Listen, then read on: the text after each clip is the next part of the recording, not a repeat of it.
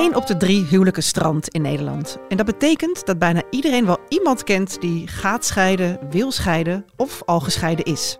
Maar hoe doe je dit nou zonder elkaar in de haren te vliegen of je kinderen extreem veel pijn te doen? Ik praat hierover met scheidingscoach Roos Boer. Heel pijnlijk om te zeggen, maar de grootste reden waarom mensen als partners uit elkaar groeien, zijn onze kinderen. Maar eerst even dit. Team Over de Liefde is super blij met jou als trouwe luisteraar. Ben je nou ook blij met ons? Abonneer je dan op deze podcast. Oh, en heb jij een bijzonder liefdesverhaal dat je met ons wilt delen? Laat het mij dan weten. Stuur een mail naar debbie.ad.nl of laat een DM achter op mijn Instagram, @debbiegerritsen. Roos, welkom. Dankjewel. Januari is zeker een drukke maand hè, voor jou geweest. Heb je een drukke tijd gehad? Uh, ja, zeker een drukke tijd. Ja. Dus Ja. januari is, altijd, eh, is het altijd wel raak. Ja. Ja, want meestal na de kerst denken mensen, nou nu ben ik het wel zat Ja. met deze. Ik stop ermee. Ja. Ik ga scheiden. Of eh, ik gun jou nog een leuke kerst, want ik weet dat je daar zo van houdt. Dus ik wacht nog even met de beslissing. Ja. Zo zielig voor de kinderen, Ja. zielig voor jou. Het is ook een lastige, lastige tijd om dan te scheiden. Hè? Ja. Ehm, jij bent scheidingscoach, maar je hebt ook mediators. Ja. Wat is eigenlijk het verschil? De mediator is hoofdzakelijk gericht op het maken van afspraken. En wat minder gericht op de emotionele afwikkeling van een scheiding. En dat Mhm. doet een coach weer wel. Die richt zich echt op het verwerken van. Eh, werkt ook vaak één op één. Dat doet de mediator ook niet. Want ja, ik moet soms, eh, ja, je hebt allebei je eigen rommel op te ruimen als je uit elkaar gaat. Je Ja, gaat ja. liever niks uit elkaar. Nee. En eh, ja, dat werkt toch het allerbeste als je dat één op één kan doen. Ja, ja, dus jij, jij begeleidt geen stellen. Jazeker. Ook wel, ja. Maar als ze bij mij als stel komen, dan zie ik ongeveer 70% individueel en 30% gezamenlijk. Oh, Oké. Dat geldt eigenlijk voor de mensen die bij mij eh, komen om uit elkaar te gaan, maar ook voor de mensen die bij elkaar willen blijven. Dus die Ja, want dat is natuurlijk ook nog een optie. Zeker. Ja, dus die, die, dat, dat sluit je niet uit als mensen bij jou aankloppen.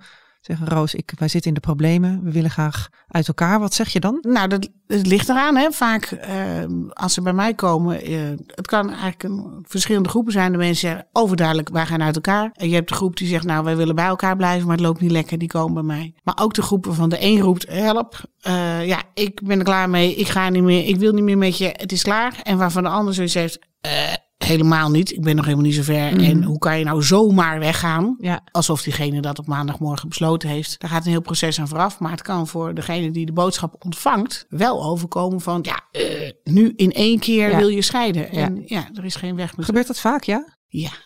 Ja, Oh. er is eigenlijk altijd... Er zijn weinig... Nou, laten we zo zeggen. De stellen die samen besluiten de koek is op. Mhm. ja, die komen ook niet bij mij. Maar anders is er altijd eentje die wel wil scheiden. En de andere die eigenlijk liever nog niet wil. Pijnloos scheiden, kan dat eigenlijk? Nee.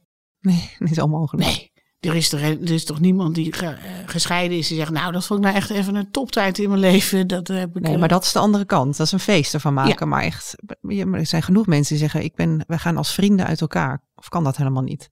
In mijn optie kan het niet. Nee? Nee. Waarom niet? Met je vrienden deel je ook een heleboel. Mhm. Met je vrienden deel je ook je dromen, je angsten, alles. En als je uit elkaar gaat, ja, je gaat niet voor niks uit elkaar. Je krijgt een ander leven. Ehm, de mensen die, als er geen ander is, die zeggen dat ook vaak. We gaan als vrienden uit elkaar. En dat klopt ook vaak. Want je, je wil alleen maar, de dynamiek die, die was niet meer lekker. Dus daar, heb je- daar wil je los van. Maar dat is nog echt wel wat anders dan dat je, als, dat je vrienden bent. Je deelt natuurlijk de zorg voor de kinderen. En jullie houden allebei evenveel van de kinderen. Dat is het probleem niet. Maar die gaan dan heel vaak nog heel veel dingen doen samen. Vieren samen de kerst nog. En ze gaan nog op vakantie met elkaar. En we eten nog bij elkaar. En dan zegt iedereen, oh wat fijn. En dat is fijn voor de kinderen. Kan ook heel verwarrend zijn voor kinderen. Want dan komt er ineens de nieuwe. Iemand krijgt verkering. Ja, en dan gaat dat spaak lopen. Ja, wie krijgt dan de schuld, denk je? Die nieuwe. Mhm. Hè, het ging zo goed totdat hij kwam of totdat zij kwam. Mhm. ja, en ja, de vraag is of het helemaal fair is. Want vaak ben je dan emotioneel nog niet helemaal gescheiden. En wat doe je daaraan? Bewustwording dat je ook echt emotioneel moet scheiden van elkaar. Je gaat ook echt uit elkaar. Mhm. En dat je leven ook anders wordt. Nou ja, dat wordt natuurlijk sowieso eh, letterlijk. Maar ook emotioneel moet je daar eh, wel afstand van doen. Ja, ja. Ga straks verder praten over hoe je dat dan doet, hè, uit elkaar gaan en hoe je dan je leven weer opnieuw gaat Mhm. opbouwen. Toch wil ik nog even terug naar de cijfers, want het is best wel hoog, hè? 1 op de drie eh, huwelijken in Nederland strand. Ja. Dat is echt een bizar hoog aantal. Dan hebben we het over de huwelijken. Hè? Dus dat zijn de, de, de mensen die geregistreerd zijn als Ja. gehuwd of als eh, geregistreerd partnerschap. We hebben natuurlijk ook nog een hele grote groep samenwoners. Die gaan ook uit elkaar. Ja, Mhm. voor mij is dat ook een, gewoon een scheiding. Zeker Ja, als de kinderen bij zijn. Ja, het hoeft niet officieel op papier te staan. Het hoeft niet officieel papier te zijn. Maar, eh, Maar scheiden we dan te makkelijk? Gaan we te makkelijk uit elkaar? eh, Ja, dat blijft natuurlijk altijd een ingewikkeld Mhm. stukje. Om eh, daar eh, hard een uitspraak over te doen. Ehm, het is wel makkelijker dan eh, vroeger. Ja, Vroeger mocht je, hè, of kon je niet als vrouw weg. Zeker als vrouw kon dat niet, nee. Was, het financieel anders. en het mocht ook niet, toch? Wij mochten als Mocht vrouw ook niet, niet. of voor de kerk en- niet. Of, nee. hè, het was nog niet zo heel lang. Ik geloof de eerste scheiding uitgesproken is in de jaren zeventig. Ja, Dus eh, daarvoor, ja, het was het gewoon, nou dan deed je het gewoon niet. nee, nee, het mocht, het mocht gewoon Het niet. mocht ook gewoon niet. En nu kunnen we natuurlijk wel. Maar je Mhm. ziet wel nu ook in de huidige tijd, als het economisch heel goed gaat, wordt er meer gescheiden dan wanneer het niet zo goed gaat. Ja, ja, want het is gewoon, gewoon beter te betalen, ja. Maar doen we ons best? Ik denk dat we niet altijd goed in de gaten hebben waar het nou eigenlijk echt om gaat. Mhm. Ja, als mensen bij mij komen, dan, ja, ik heb het niet over de ruzie van de week, want die vind ik helemaal niet interessant. Maar daar komen ze wel mee. Mhm. En ik moet vooral aan die ander wel vertellen hoe het nou eigenlijk zit. Ja, ja, ja. Ik word letterlijk wel eens opgebeld. Kan jij nou niet aan mijn vrouw uitleggen dat het toch echt niet kan wat ze doet? dus ja, dat zijn dingen die, die wel gebeuren. Maar daar gaat het natuurlijk niet over. Nee, nee, het gaat natuurlijk om, grotere, Ja. om het grotere plaatje. Ja.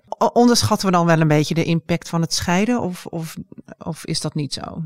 We onderschatten eigenlijk twee dingen. De impact van scheiden. Mhm. En we onderschatten eigenlijk hoe eh, ingewikkeld het is om een goede liefdesrelatie Ja. te hebben en Ja. vooral te onderhouden. Ja. Kijk, verliefd worden is niet zo moeilijk. Hè? Dat is heerlijk, dat overkomt je en heerlijk. En dan kan je helemaal in verliezen. Eh, een relatie aan het begin is ook eh, vaak wel leuk. En dan op een gegeven moment wordt het wat moeilijk. En dan komen er moeilijkere dingen in het leven. En ehm, heel pijnlijk om te zeggen, maar de grootste reden waar mensen als partners uit elkaar groeien, zijn onze kinderen. Oh ja? We houden heel veel van ze. Dat gaat, heeft, heeft niets te maken, lieve luisteraars, met eh, de liefde voor onze kinderen. Maar het heeft enorm veel effect op jezelf als persoon. Maar Ja. ook over hoeveel ruimte hebben wij voor elkaar. Ja, ja. En daar gaat natuurlijk heel veel mis. We krijgen een totaal andere rol. Je krijgt het moederschap of het vaderschap op je, waar allerlei andere eh, krachten gaan spelen. En dan is het heel ingewikkeld om ook die Om partnerrelatie bij goed elkaar te te hebben, houden. ja. Bij elkaar te houden. Daar is dat mag reden je- nummer één? Eh, uiteindelijk waar, waar het, het, de kiem komt waardoor we langzaam uit elkaar groeien. Hè, dan gaan we langzaam uit elkaar groeien. Dan komt de afstand. Gaan we ons wat eenzamer voelen in de relatie. Ja, uiteindelijk gaat er eens iemand vreemd. Wat dat gebeurt in heel veel gevallen Mhm. uiteindelijk. Ja, en dan hebben we het alleen nog maar over het vreemd gaan. Want dat is natuurlijk een foute boel. En Ja. daar vinden we sociaal allemaal van alles van. En dan hebben we het daarover. Maar er zit natuurlijk al veel eerder in het proces dat we elkaar verloren zijn. Ja, dus de oorsprong ligt echt ergens anders. Ja. ja. En ook weer niet alleen bij de kinderen, maar er zijn natuurlijk heel veel factoren die meespelen. Ja, ja. ja dus gewoon een andere, stress, eh, een druk andere van baan, werk, verhuizen. eh, ja. financiële stress, eh, Ja. overlijden, ziekte, nou noem maar op. Dus er is, het is een cocktail van. Maar goed, in zo'n proces zouden we dan eigenlijk niet een soort APK moeten krijgen in, in, eens in de zoveel tijd. Ja, Om- heel om- graag. Heel graag. Om die relatie een beetje goed te houden. Ja. ja. Als, eh, ik zou heel graag mensen die kinderen krijgen bij mij aan tafel hebben. Om toch eens te kijken van, hé, hey, wat maakt dat jij een bepaalde rol inneemt? Welke Mhm. rol neemt de ander in? Waarom is dat? Wat kan je eraan doen? Bewustwording dat je überhaupt moet werken aan je partnerrelatie. En Ja. iedereen die zegt, ja, ja, ja, dat weet ik heus wel. Hmm. Maar die doen Eh, het vervolgens niet. Maar vervolgens is dat gewoon in de praktijk heel lastig. Ja. Aan de andere kant kan je natuurlijk ook stellen, ja, god, waarom zou je toch bij elkaar moeten blijven als het allemaal niet werkt? Hè? Zo- Het hoeft natuurlijk ook weer Zeker. niet. Hè? Ja, als het, als het echt niet werkt, ben ik ook voorstander, ga dan maar uit elkaar. Ja. Maar dan een beetje op een nette manier. Ja. Dat betekent dat je ook nog steeds je rommel op moet ruimen. Ja. Toch elkaar eens even in de ogen kunnen kijken. Ja, ja, je Van, kan niet zeggen, oké, laat maar gaan dan. Dan laten we alle problemen los en we, gaan, en, en, en we gaan nu uit elkaar. Die rommel neem je mee naar je volgende relatie of in je, in je relatie met je ex natuurlijk. Ja, Waarom denk je dat twee derde van de, de stellen die een samengesteld gezin vormen uit elkaar gaan? Ja. Omdat je echt je oude rommel eh, gewoon meeneemt. Nee. En je denkt natuurlijk allemaal, het ligt aan mijn ex. Mhm. Die was, dat was zo'n heks of dat was zo- zo- zo- zo- zo'n heikel. ja. Mag ik dat zeggen? Nee, Ja, heb ik al gezegd. Oké. Eh, dat Maar zo je- werkt het natuurlijk niet. zo werkt het niet. Nee, en nee. dan krijg je een nieuwe relatie. Ik, Nou, maar deze gaat het echt werken, want die is zo lief, leuk en die ziet me en die hoort me en dat is allemaal zo fijn. Ja, en dan krijg je die samengestelde gezinnen met alle En dynamieken. dan gaat het hele en mooie gaat het, drama her- gaat opnieuw. gaat het drama opnieuw. Roos, jij bent ook gescheiden. Ja. Ben jij een blij gescheiden vrouw? Ik ben een blij gescheiden vrouw. Ik heb ook echt mijn diepe dalen wel gehad. Mhm. Maak je geen zorgen. Dat is denk ik ook dat ik eh, mijn werk goed kan doen Mhm. zoals ik het doe. Omdat ik alle dalen gezien heb. En ook gezien heb wat het me weer heeft opgeleverd.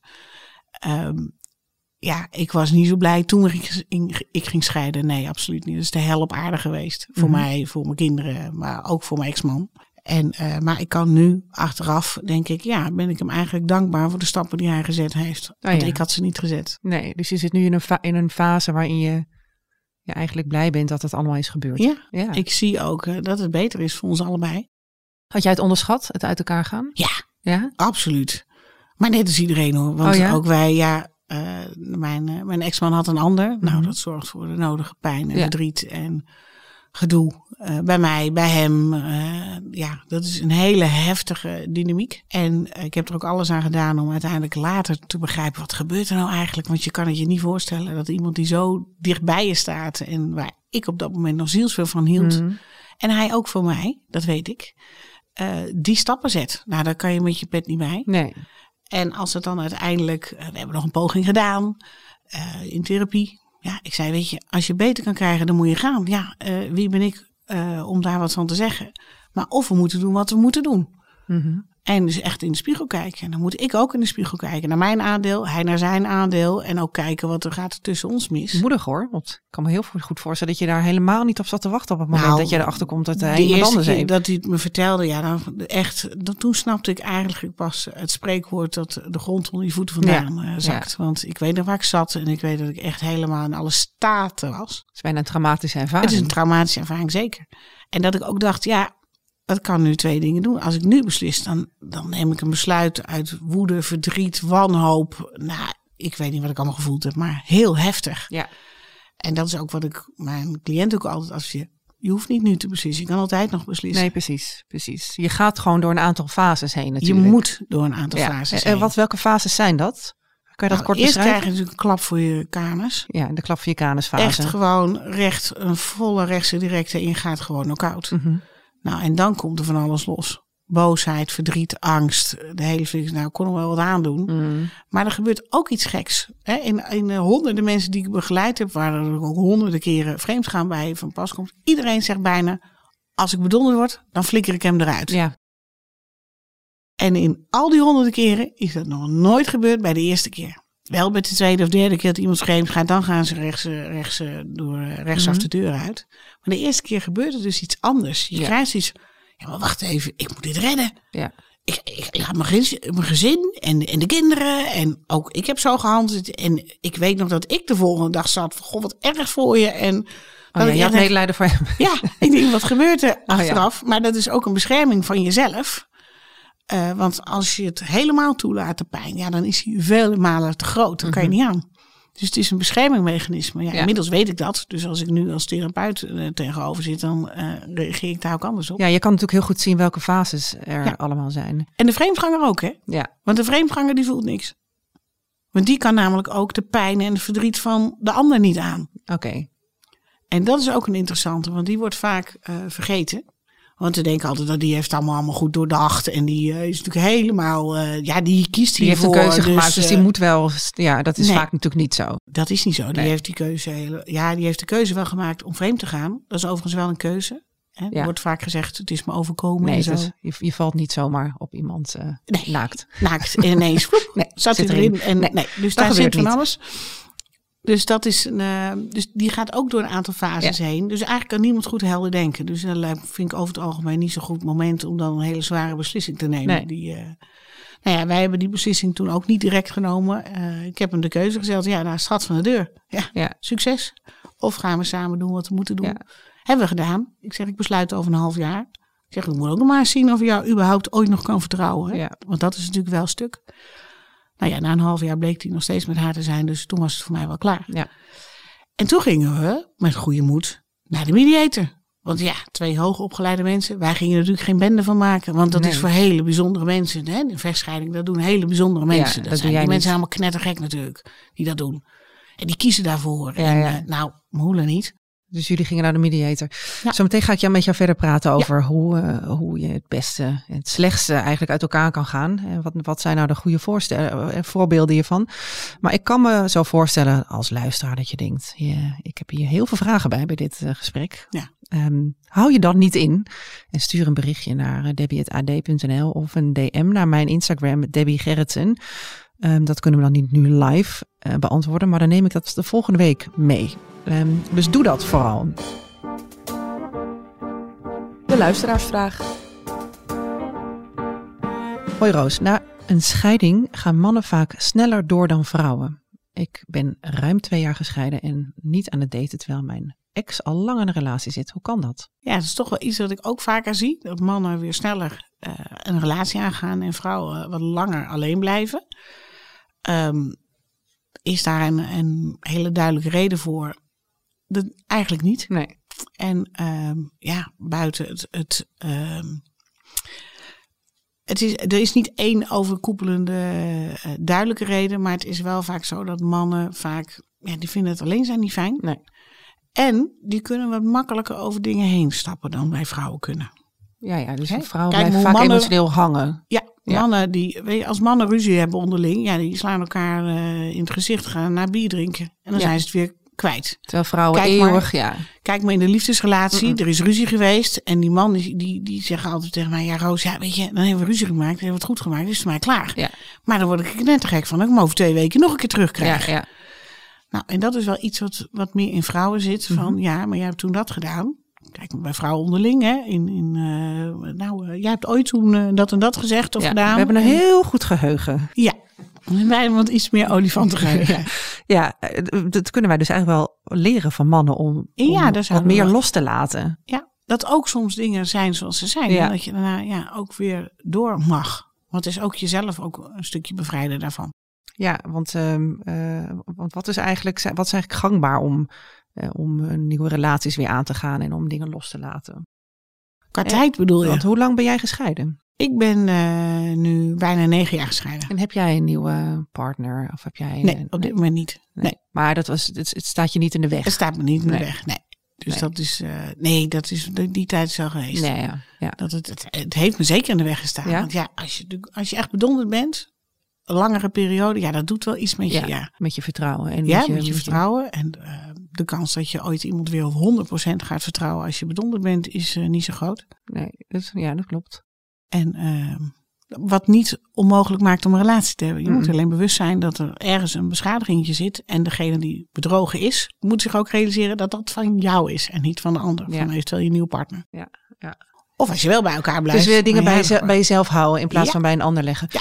Um, eh, mensen gaan, we gaan veel uit elkaar. Uh, dat hebben we net al uh, besproken. Veel mensen gaan uit elkaar. Wat is nou eigenlijk het effect van scheiden op, op, op, de, op, jouw, op de omgeving? Die is heel groot. Mhm. Die wordt ook vaak onderschat. Als, uh, soms ben je 20, 30 jaar bij elkaar. Ja, dus alles is met elkaar verweven. De vrienden, de, je familie, je schoonfamilie. Hè? Je kan ze soms missen als kiespijn, maar je kan ze ook uh, heel dierbaar zijn en dat verandert ook. En hoe ga je daarmee om? Eigenlijk gewoon vol erin. Ook realiseren, het wordt anders. Maar het is niet wat we zeggen. Kijk maar naar als je, nou, je bent zelf ook gescheiden. Wordt vaak gezegd, nee joh, je blijft mijn schoondochter. Blijft, het verandert. Mm -hmm. Want ook als er straks weer nieuwe partners komen, ja, dan ga je dus weer niet meer met de kerst daarheen. En je krijgt minder contact. En dat is moeilijk. Dus wat moeten we doen? We moeten rouwen. Ja, en ja. rouwen betekent dat je de pijn moet nemen van het verlies. En verliezen vinden we allemaal niet zo leuk. Maar ja, dus, dus je, moet het, je moet eigenlijk heel bewust uit elkaar gaan. Ik Ja. weet dat uh, onze Gwyneth Paltrow en, Ja. en uh, Ri- hoe heet hij nou? Chris Martin. Um, zij zijn, uh, hebben het, het, het conscious uncoupling bedacht eigenlijk. Dus dat je heel bewust uit elkaar gaat. Ja. Um, wat, is daar, wat zijn daar de voordelen? Wat, hoe gaat het eigenlijk? En wat zijn daar de voordelen van vooral? Nou, als je het heel bewust het proces aangaat en ook heel bewust snapt dat je echt dwars door de pijn heen moet. Mhm. En ik weet dat heel veel mensen nu zitten luisteren. Nou Roos, wat zit je nou te kletsen? Ik ben echt door de pijn heen gegaan. Ja, of ja, we zijn toch goed uit elkaar. Waarom, wat is dan, uh, welke pijn moet ik dan nog Er zien? zijn gelukkig Ja. heel veel mensen die prima uit elkaar gaan. Hè? Dus dat is het ook niet zo dat overal uh, kommer ik wel is. Maar als het niet zo goed gaat, dus als je uiteindelijk niet samen bij 10 minuten gesprek kan zitten, of op een verjaardag, of bij een uh, diploma-uitreiking, ja, dan gaat het toch, toch wel echt iets mis. Ja, Hè? En mensen die ook na 10 jaar dat nog niet kunnen. Dat Ja. je dat in de acute fase even lastig vindt, dat snap ik wel. ja.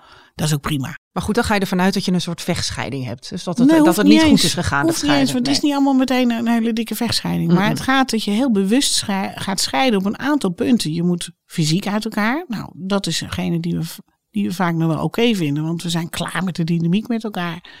Maar scheiden op het gezin bijvoorbeeld, ja, die doet zeer. Die kan nog steeds wel eens pijn doen. En wat bedoel je daarmee? Scheiden op het gezin? Nou, dat je realiseert dat sommige dingen anders gaan. Eh, dat je echt dingen gaat missen van je kinderen bijvoorbeeld. Ik ben nu negen jaar uit elkaar. Maar als ik wakker word op de verjaardag van mijn kind en hij is bij zijn vader. Ja, dan doet me dat pijn. Dat vind ik nog steeds niet leuk. Nee. Wil ik hem dan terug? Of eh, nee, helemaal niet. Maar dat is op dat moment doet het gezin wel even pijn. Ja.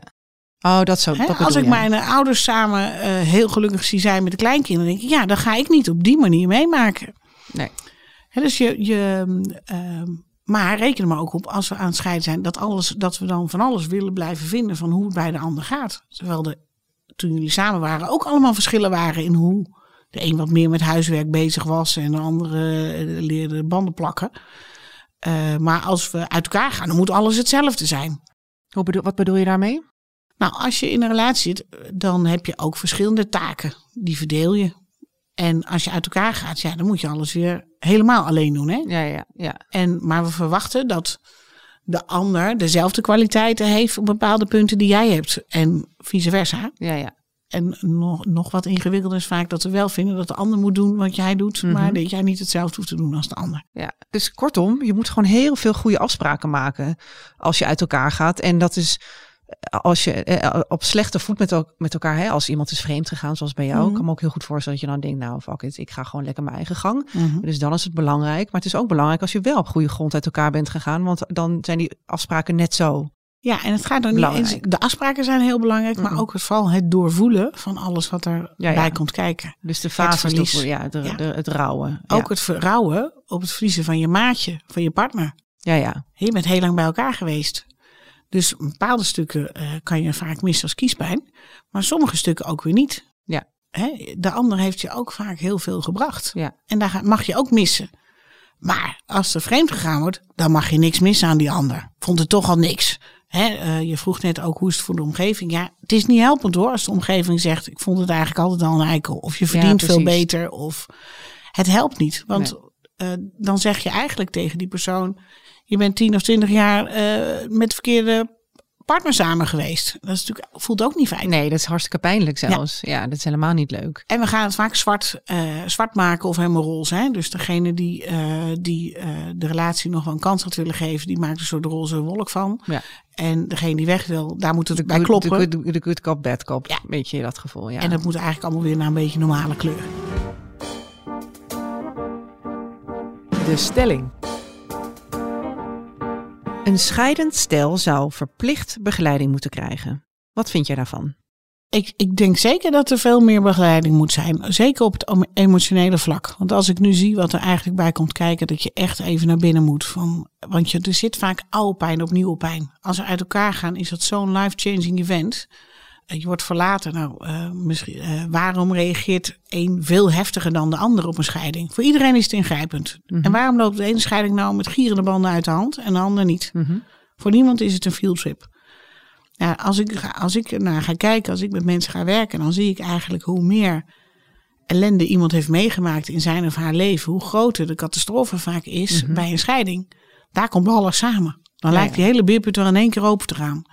En ik trek dat ook uit elkaar. Ik ga ook kijken, hé, hey, jij reageert zus. Hey, vroeger, oh, je vader heeft je ook verlaten bijvoorbeeld. Op een andere manier. Of je hebt altijd al gezorgd voor je zieke moeder. En vandaar dat je nu ook zo'n enorme zorgtaak had richting je partner bijvoorbeeld. Mhm. Nou, en dat soort eh, patronen moet je allemaal uit elkaar gaan halen. Want anders neem je dat ook weer mee naar de volgende relatie. Mhm. Maar dat komt tot een apotheose op het moment dat je leven dan ineens eh, drastisch verandert. Want Ja. dat verandert het natuurlijk. Ja, maar ik zeg het ook vooral, zo'n begeleiding lijkt me vooral ook heel fijn als je kinderen hebt. Want Ja. dat wordt natuurlijk, ja, want ja, de, de, de grootste zorg zit natuurlijk bij de kinderen als je uit elkaar gaat van hoe gaan die dat nemen, hoe, gaan, hoe vertel je dat en, Ja. en, en wat, wat, wat doe je dan? En dat kan je leren. Hè? Hoe je, nou, daar kan ik een hele podcast over maken. Met Mhm. hoe, vertel, hoe vertel je het de kinderen? Mhm. Hè, wat zeg je wel, wat zeg je niet? Dat zijn on, ongelooflijk belangrijke En wat zijn, eh, onderwerpen. wat zijn de, de, de, de valkuilen, wat moet je absoluut niet zeggen? Nou, we hebben toch vaak de neiging dat we dan eens uh, uh, vinden dat de kinderen de waarheid moeten weten. Over papa, dan wel mama. Of wat er mis is gegaan. Nou, daar kan ik als kind helemaal niks mee. Hè, het, het gaat erom dat je de boodschap brengt naar een kind. Uh, wat voor een kind belangrijk is. Die wil weten wat verandert er wel, wat verandert er niet, mm -hmm. bijvoorbeeld.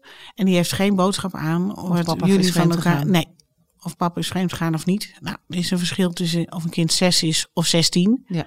Een kind van 16 en papa gaat ook nog vreemd met de beste vriendin van mama. Ja, die weten dat wel. Dus ja. we hoeven ook niet eromheen te draaien. Maar we gaan ons dan vaak richten op dat vreemd. Dat is alles, hè? Voor de rest is er niks. Uh, nee, er zit natuurlijk ook een heel proces voor. Maar daar heb ik als kind helemaal geen boodschap aan. Kijk, als partner kan je kiezen tussen wat je leuk en niet leuk vindt aan de ander. En als ik iets niet leuk meer vind aan jou, kan ik ervoor kiezen om onze relatie te verbreken. Dus ik loop tegen bepaalde eigenschappen van jou aan. Als kind loop ik ook tegen diezelfde eigenschappen van papa aan en van mama aan. Alleen ik kan niet kiezen. Dus als kind deal je ermee. Mm -hmm. En als partner kan je zeggen, ik wil dat niet meer. Ja. En als ouder is het dus heel belangrijk om daar ook onderscheid in te maken. Dat je realiseert dat het niet helpend is om tegen je kind te zeggen waar je allemaal tegenaan loopt. Ja. Waar hij ook tegenaan loopt bij zijn vader of bij zijn moeder. Mm -hmm. Want dat helpt niet. Nee, dus je moet niet denken en, dat, dat, je, dat je op vriendschappelijke basis, dat het je vrienden zijn, je kinderen. Ja. En dat je dingen kunt. Of dat je ze moet redden voor, de, ja, voor een vader of moeder. Want ze dealen er wel mee. Ja. En ze gaan later echt wel zien, nou, dat vond ik leuk aan mama en dat vond ik leuk aan papa. En dat vond ik minder leuk aan mama en dat vond ik minder leuk aan papa. Ja, en dat, zijn, dat is hun eigen strijd. Ja, dus dat is zeg maar de, de no-go's als het gaat over het vertellen aan je kinderen. Wat zijn dan, wat, wat is bijvoorbeeld wel heel goed om te doen? Vertel het samen. Mm -hmm. Maak een verhaal wat kloppend is voor samen. He, dus dat je een verhaal vertelt wat voor beide uh, werkbaar is. En dat met name gericht is op de kinderen. Uh, wat heel helpend kan zijn, is ook te vertellen dat het ook goed is geweest. Mama hebben heel van elkaar gehouden. Uh, we hebben he, heerlijk met jullie gehad. En het ligt ook niet aan jullie. Dat is ook belangrijk om te zeggen. Dat het vooral niet aan de kinderen ligt. Want ik heb ze wel, ik spreek ook eens met kinderen. En dan hoor ik later, ja, ook die ouder zijn of volwassen zijn soms. En die vertellen, ja, ik dacht dat papa en mama hebben me verteld. Uh, de keer na het eten. Uh, en ik had mijn bord niet leeg gegeten. Dus ik heb jarenlang ja, ja. gedacht dat het kwam omdat ik mijn bord niet had leeg gegeten. Ja. He, dus, uh, kinderen halen dat natuurlijk ook, maken dat ook groot in hun hoofd. Dus ja. die kunnen daar een heel verhaal van maken. Dus dat is wel belangrijk om, om te zeggen. Om te onderlijnen dat, dat, dat het niet aan hun ligt. Maar goed, dan heb je het de kinderen verteld. Hè? En, en dan? En dan? Wat is dan de volgende goede stap? Want dan moet je uit elkaar gaan wonen, of niet? Of, of, nou, vaak wel. Hè? Wat zijn daar de no-go's en de go's in? Alles is maatwerk, dus dat is best wel lastig om daar even 1, 2, 3 antwoord op te geven. Um, maar geef vooral de kinderen ook tijd om te verwerken. Als partner wil je denken, oh, ik wil weg bij hem of bij haar. En ik moet weg, ik moet op mezelf. En, maar de kinderen, ja, uh, ik heb geen keuze hierin. Ineens ben jij weg. Mm. Dus soms moet je als ouders moet toch echt even het ego aan de kant. En dan heb je het maar even te dealen. Om de kinderen ook even de ruimte te geven om te wennen aan de nieuwe situatie. Ja. Hè, om het uh, soms ook op te bouwen. Het moet wel veilig zijn, dat blijft altijd. Maar dat is het, godzijdank, heel vaak wel. In sommige gevallen niet. En dan moet je sneller handelen. Maar geef wat tijd aan de kinderen. Neem ze ook mee in het proces met een huis bekijken. Laat ze bijvoorbeeld ook hun eigen kamertje uh, helpen met inrichten. Niet vooral het hele huis, want dan heb je overal paarse muren met gele ja, stippen. Ja, ja. Je moet ze maar een beetje, beetje meenemen. Een beetje meenemen. Welke spullen wil je meenemen naar het nieuwe huis? Dat het hun eigen kamer een beetje verdeeld is. Sommige mensen zeggen, nee, je moet alle hetzelfde blijven in huis. Nee, ik, voor een kind is het belangrijk dat ze ook het, het, nieuwe huis hun thuis maken. En als ze zeggen, ik wil dat stoeltje graag meenemen, laat ze het stoeltje meenemen. Mm -hmm. Kijk, een bed hoef je over het algemeen niet te, te maar het lampje kan wel weer mee. Ja, of het ja. kleed of ja. iets anders. Ja, dus ze meenemen het proces en laat ze ook een beetje thuis voelen. En laat ze ook zelf een beetje die keuzes maken. Ja, zelf ook die, het eigen maken. Geef ze een bedrag en zeg, nou ga bij, de, bij, een, bij een winkel wat leuks uitzoeken. Hè, dat kan een klein of groot bedrag zijn, maar dan neem je ze mee in het proces. En dan, en dan een stap verder. Dus de, je zijn, de kinderen zijn. Uh, je hebt twee huizen, je bent uit elkaar. En, ja. uh, je bent, leeft een gescheiden leven. Dan komt er een nieuwe partner. Ja. Wat zijn daar de do's en don'ts in? Bedoel... Nou, het cruciale is dat op het moment. Je hoeft niet alle Tinder dates te gaan vertellen aan je ex. Dat hoeft niet. Maar maak de afspraak. Op het moment dat het serieus is, vertel ik het jou als eerste. Je ex-partner. Mhm. Hm. Niet je kinderen. Dus je vertelt eerst je ex-partner. Nou, ik heb een nieuw iemand ontmoet. En uh, nou, dit lijkt, uh, het lijkt erop dat het wel serieuze business gaat zijn. En uh, ik wil het eigenlijk wel gaan proberen. Dus dat je een soort vooraankondiging doet voordat je het überhaupt met je kinderen erover gaat hebben. Ga je het eerst met je kinderen over hebben. Ik heb een nieuw iemand ontmoet die laat de namen vallen. En dat vinden ze allemaal spannend. En uiteindelijk bepaalt het kind een beetje wanneer ze nieuwsgierig genoeg zijn om die ander te ontmoeten. Mhm. Voordat de ontmoeting plaatsvindt, is het belangrijk dat je ex hem of haar ontmoet. Waarom is dat zo belangrijk? De kinderen gaan bij je ex echt vertellen wat ze ervan vinden. Mhm. Tegen jou zullen ze zeggen dat ze het leuk vinden, want ik wil jou ook. Ik ben dan blij dat Ze mama weer gelukkig loyaal, is, ja. en loyaal. En Ja. ja, eh, je hebt al minder aandacht voor mij. Dus als ik nou ook nog ga zeggen dat ik diegene stom vind, dan, eh, of dat ik het moeilijk of spannend vind, want dat is het. Dus ze gaan eh, bij je ex gaan ze verhaal halen. Ja. Dan is het voor je kind heel fijn als, ehm, als je ook weet wanneer zij hem of haar voor het eerst gaan ontmoeten. Eh, als ze vervolgens naar je ex toe gaan en eh, ze komen daar, nou, ik heb de nieuwe vriend van mama ontmoet. Dat hij kan zeggen, ja, ik ook. Ja. Hè? En vond een aardige vent. En, eh, Ja. hè, Dat het en een vertel eens. precies, ja. En dan geef je ook aan je kinderen eigenlijk aan. Papa en mama vinden als het hele belangrijke dingen zijn die voor mij heel belangrijk zijn. Een nieuwe partner is voor mij heel, als kind heel belangrijk. Eh, dan praten ze toch nog wel met elkaar. Mhm. En dan kan je je kinderen opvangen. En dan Ja. hoor je het echte verhaal. Nou, ik vond het wel spannend. Of eh, nou, ik vond hem heel aardig. En eh, vergeet ook niet, geef je ex ook even die mogelijkheid. Hè? Want als je kind prompt verloren thuis komt. Nou, mama heeft een nieuwe vriend. En nou, en hij rijdt ook nog eens een hele mooie auto. En, en ja, dat doe ik allemaal heel erg zijn best. Hè? En die nieuwe vriendin van papa heeft koekjes gebakken en zo. En dat je denkt, zo. Hè, dat je, dan, dan kan je er heel wat van vinden. Maar op het moment dat je daar natuurlijk in mee bent genomen, krijg je ook, kan je ook als ouder reageren. In plaats van dat je ook even als partner, Als ex-partner van, reageert. oh ja, wacht even, die, die andere has moved on. ja. En dat is toch altijd raar. Ik wou eigenlijk eh, zo afsluiten. ehm, en eh, ja, ik afsluiten eigenlijk met de vraag: eh, wat voor ad- advies zou jij de luisteraars geven nu, die nu in een scheiding zitten of denken: Nou, ik, ik wil eigenlijk wel. Ehm, wat is nou, ja, wat is jouw advies? Wat zou je ze willen meegeven? Wees lief voor jezelf. Het is een zwaar proces, maar het is ook zwaar voor je ex. En je gaat door een proces heen, een rouwproces. Dat betekent dat het gedrag wat erbij komt niet is hoe iemand is. Want dat doen we vaak. Hè? Ineens gaan we dus in de verdedigingsmechanisme. Of iemand is heel boos aan, die is ineens een boosaardige persoon. Daar is diegene niet. Het is rouw, dus er gebeurt heel veel. Ja. En ja, mijn advies is: investeer alsjeblieft in het emotionele stuk verwerken. Want als je dat nu doet, heb je daar de rest van je leven heel veel plezier Ja, van. dus niet alleen de praktische zaken, Niet wat we net hebben besproken zaken. van het huis en de kinderen, en, maar ook jezelf en de emotionele weg Het ernaartoe. is echt de mythe dat als je snel gaat scheiden, eh, dat je dan ineens daarna het allemaal goed komt. Leuk dat je luisterde naar Over de Liefde. Heb jij nou een prangende vraag over de liefde, seks of relaties? Laat het mij dan weten. Stuur een DM op mijn Instagram of mail naar debbie.ad.nl. Oh, en vergeet niet om je te abonneren op deze podcast.